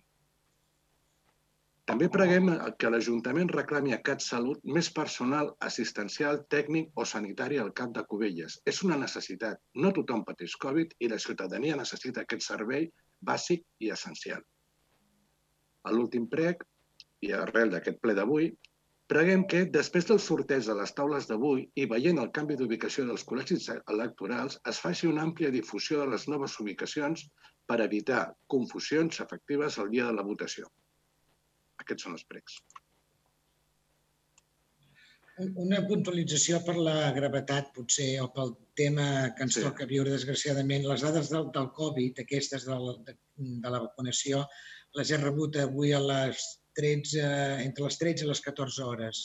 Potser no, més- no, no, potser no, més- no, sabia cap regidor. No, no, de- po- del potser, govern. potser m'he explicat malament. No, no recriminem a l'Ajuntament, eh, ni molt menys aquest tema.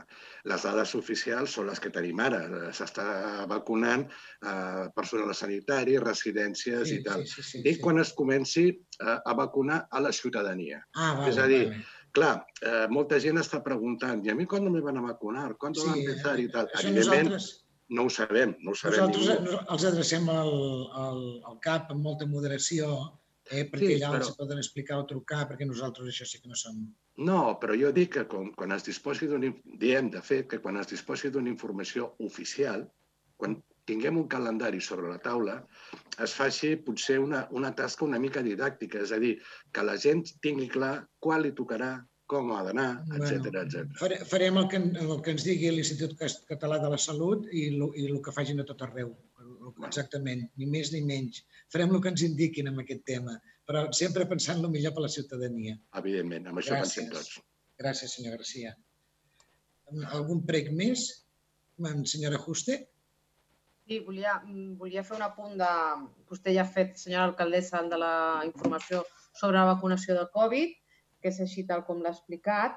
Uh, volia fer una, una puntualització en, en, en el prec de la reclamació al CatSalut de més contingent, de més dotació pel nostre centre d'atenció primària.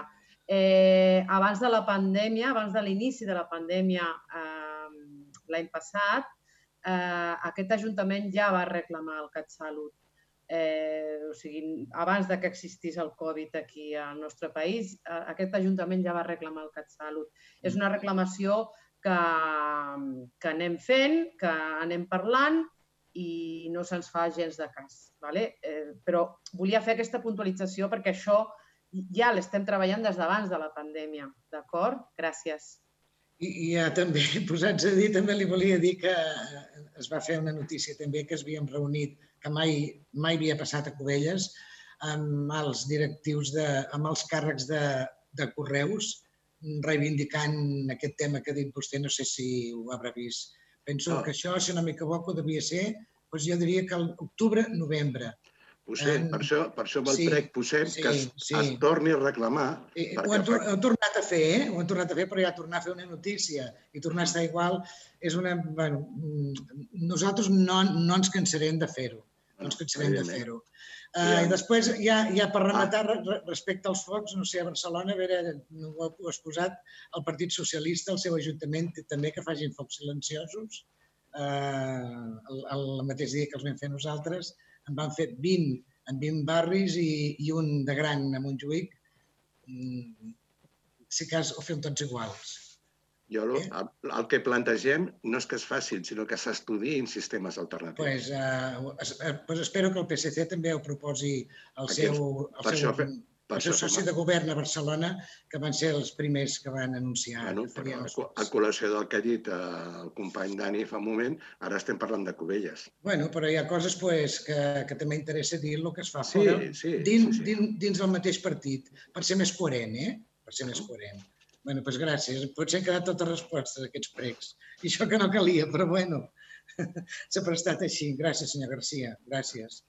Uh, bueno, doncs, si no hi ha cap més uh, prec, anem per les preguntes. Um, uh, senyor Monsoni, sisplau, si té Sí, alguna les de pregunta. Les de Junts per Covelles les formularà la meva companya Yolanda Molt Garcia. bé. Senyora Garcia, endavant. Yolanda.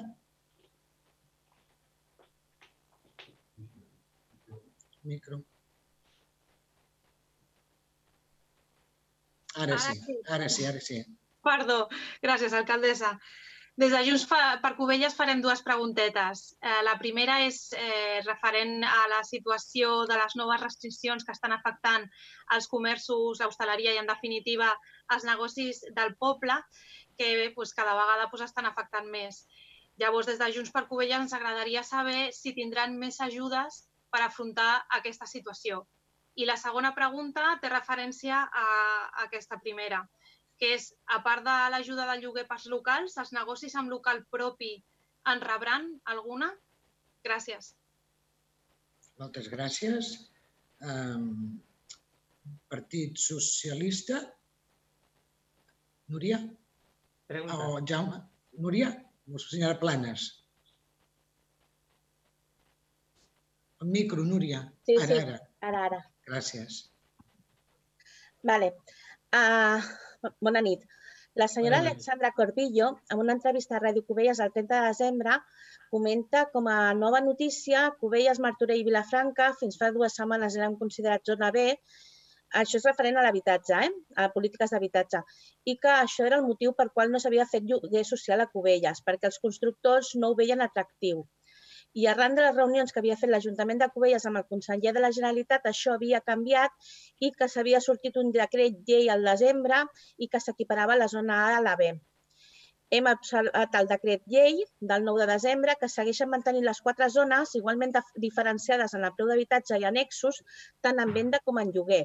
I per altra banda no hem trobat cap nova designació de zona per Cubelles, que segueix estant en la zona B i que segons afirma la senyora Corbillo, que es va fer el mes de desembre. Ens pot dir quin és el decret d'aquest canvi? Si realment s'equiparés la zona B a la A per incentivar els constructors a fer habitatge de Cubelles, pujaria el preu del lloguer i la venda protegida? Uh, hem vist que el castell de foc ha costat 6.000 euros i la festa infantil 5.000.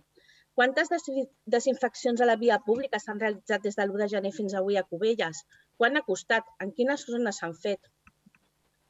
Hem vist que el dossier de decrets una revocació parcial d'una subvenció del Servei d'Ocupació en que l'Ajuntament de Cubelles ha de retornar 21.997 euros més 417 d'interessos de demora a la Generalitat per una subvenció no justificada correctament.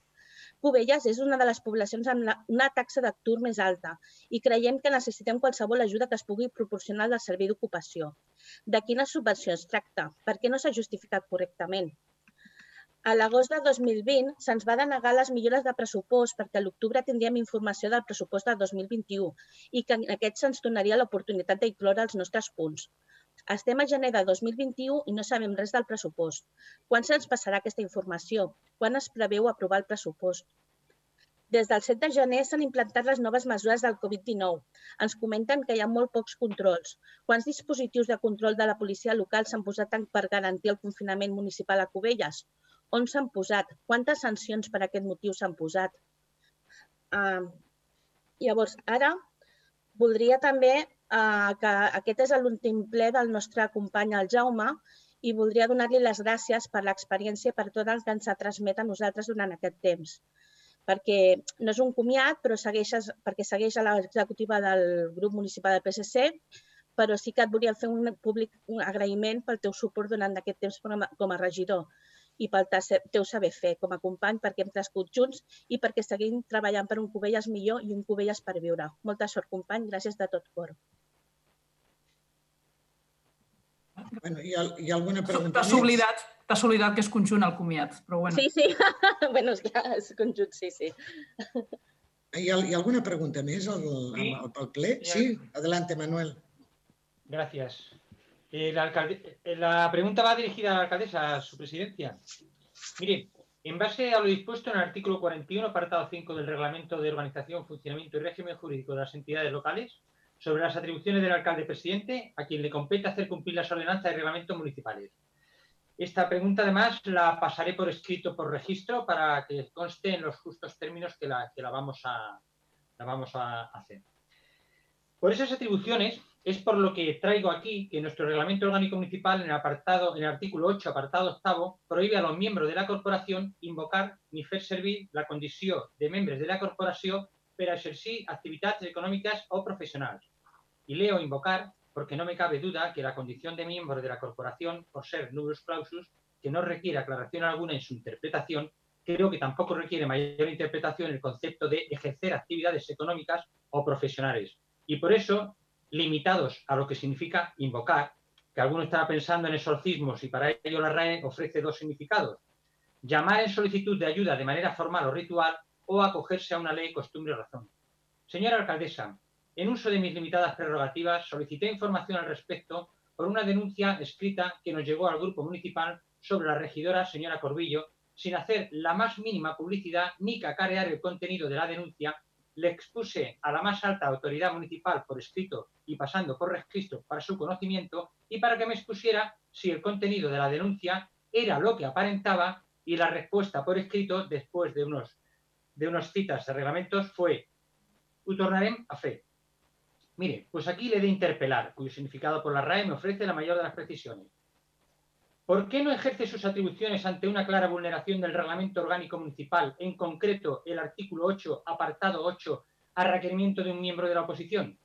¿Le parece justo que un órgano colegiado como es la corporación, reunida en pleno, que delibera y ejerce el derecho sancionador administrativo contra los ciudadanos por infracciones a las ordenanzas municipales, puede permitirse infringir el ordenamiento porque quien supuestamente lo ha infringido es un regidor o regidora? ¿Puede el presidente de la corporación, que tiene voto de calidad en caso de empate, que ostenta la más alta representación de un ayuntamiento, hacer una interpretación laxa ante una supuesta dejadez de funciones sobre las atribuciones que le otorga la ley para que las obligaciones de los miembros de la corporación se pongan en aparente ilegalidad?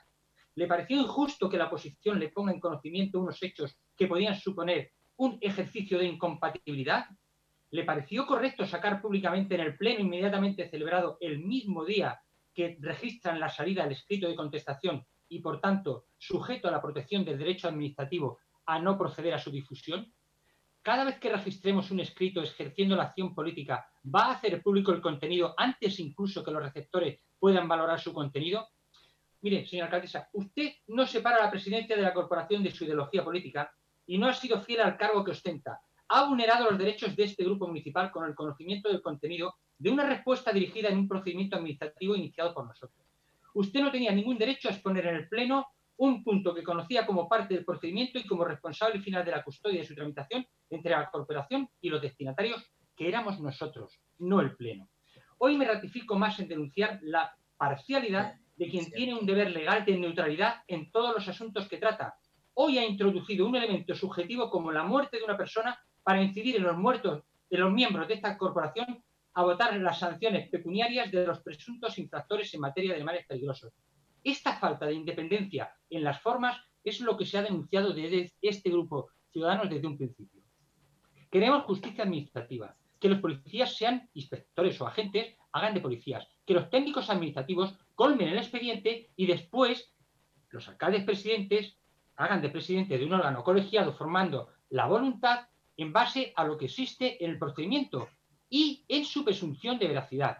Se ha de estudiar por todos y cada uno de los miembros de la corporación que han de formarse una voluntad y votar. Y acabo. Y cuando se falta al procedimiento o a la imparcialidad, nos sorprenderemos con voluntad de justicia administrativa contra el rodillo o la arbitrariedad. Le daré por escrito, no tiene por qué contestar hoy. ¿Acabado ya, señor Martínez? Muchísimas gracias. Vale, pues muchísimas gracias. Ya, ya, ya estudiaremos un poco lo que ha dicho, a ver si... Bueno, ja suposo que ho entendrem. Eh? Bueno, pues ara anem amb el punt que toca el del tema del senyor Jaume Garcia, eh? ara sí, eh, el punt número 17, eh, donar compte al ple de la renúncia del càrrec del regidor del senyor Jaume Garcia Bosch, eh, del grup municipal del PSC. En data, ho llegeixo jo mateix, senyora secretària? Sí, si vol. Bueno, pues sí. Sí, en data, en data 12 de gener, mitjançant escrit registre entrada número 2021 barra 462, el senyor Jaume García Bosch presenta la seva renúncia a càrrec de regidor del, del següent tenor literal. Benvolguda alcaldessa, per registre d'entrada, ho va entrar, evidentment.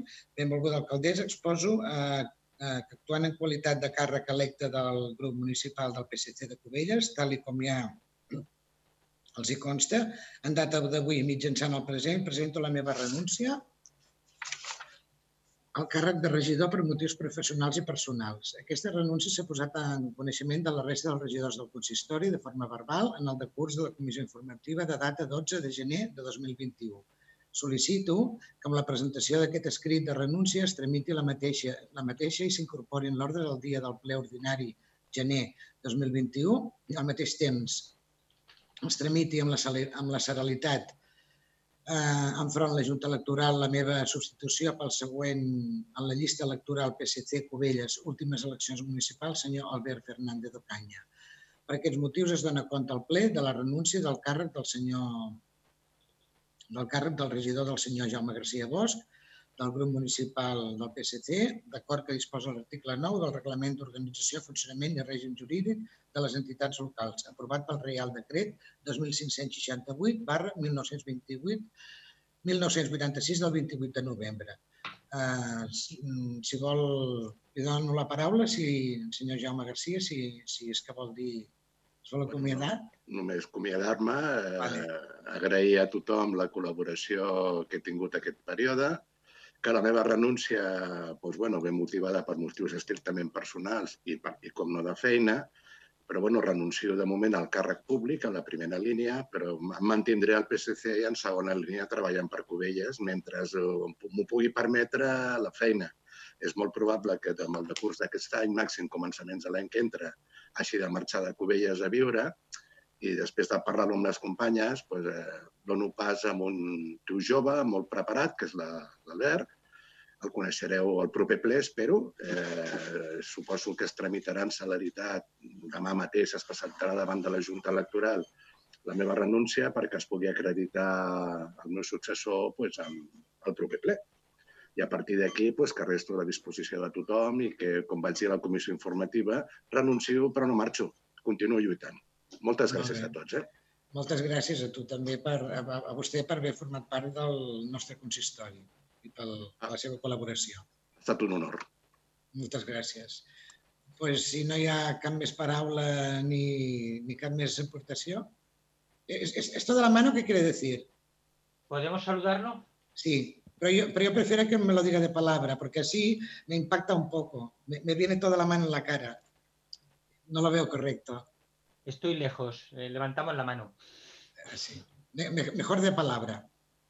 Sí. Lo que pasa es que el mando de la tablet adelante, está justamente en la pantalla. No sé. Muchas gracias, Jauma, por no solamente por tu experiencia que has transmitido a todos los compañeros, claro, dicho desde mi edad, pues fíjate, pero sí que es verdad que, que has sido un referente para todos los que estamos aquí, por lo menos yo lo veo así. Eh, tienes mucha paciencia y has estado muy acorde a las circunstancias, a muy buena altura, y cabe agradecértelo. Por lo menos nuestro grupo municipal estamos muy satisfechos de haber trabajado contigo. Muchísimas gracias.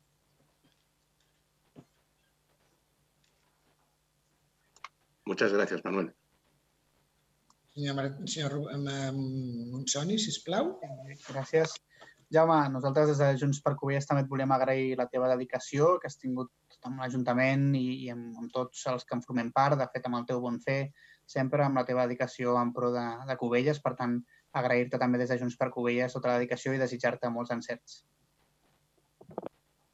Gràcies, Robert. Molts encerts també per nosaltres. Alguna paraula més? Senyor Huguet? Sí, gràcies, alcaldessa. Res més. Eh, Una mica afegir-me doncs, a, a donar les gràcies al senyor Garcia doncs, per aquests dos anys que hem compartit de, de, de política municipal.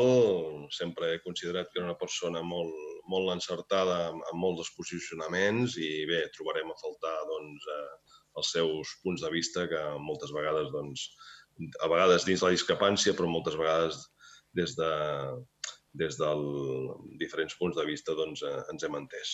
Eh, molta sort. Gràcies, Josep Maria. Alguna paraula més? Jo, Senyor eh, Narcís? Perdó. Sí, jo des del, des del meu Pineda? grup... El... Sí? Puc? Sí, sí, sí, sí, sí, sí, endavant, endavant. Sí, No, sí, que sí. jo des del meu grup de Covelles en Comú pues, també, que haver compartit la taula amb tu ha estat un plaer, que dedico molts encerts a les teves tasques professionals i que, bueno, si estàs per Covelles, pues, eh, ens, ens trobarem i xerrarem. No ho farem al ple, però bueno, sempre ens trobarem i podrem discutir eh, amigablement. Gràcies i molta sort. Gràcies, Narcís. I et recordo que tenim un cafè pendent. Sí, sí, és veritat, és veritat. Si no hi ha cap més paraula, doncs molta sort, Jaume. A veure, la Esther, davant. Bueno, ja, ja t'ho vam dir a la comissió informativa, que ha estat un plaer, ja ho saps. I sempre que vulguis més cafès, ja saps. No, no dormirem amb tant cafè. No Sí, sí. dormirem. Ara anava a dir. bueno, doncs, mol, molta sort, Jaume, de part de tots, ja t'ho he dit abans, i bueno, doncs, molts encerts i endavant, ja ens veurem per aquí, eh?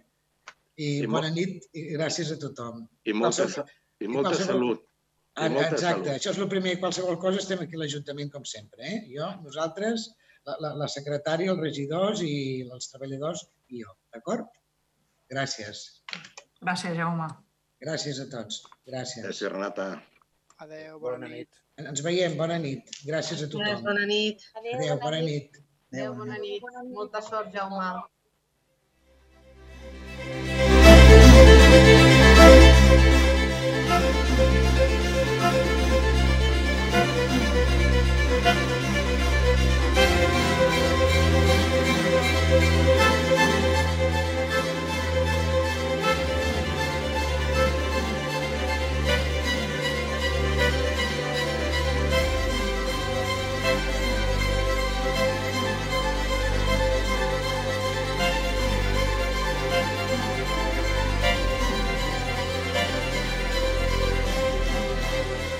Doncs fins aquí la sessió plenària, la primera d'aquest 2021, que ha estat, eh, doncs, com ja va ser la última en format eh, telemàtic, eh, un ordre del dia que ha estat doncs, exposat amb poc més doncs, d'hora i mitja, gairebé dues hores de ple els que han tingut aquest primer ple del 2021. Nosaltres, com sempre, recollirem tota la informació i la, us la oferirem a partir de demà als serveis informatius d'aquesta casa i us deixem amb la programació ja habitual de Ràdio Cubelles, eh, una mica de música fins les 9 i a partir de les 9 doncs, eh, amb la programació habitual. Que vagi molt bé, bona nit, adeu-siau.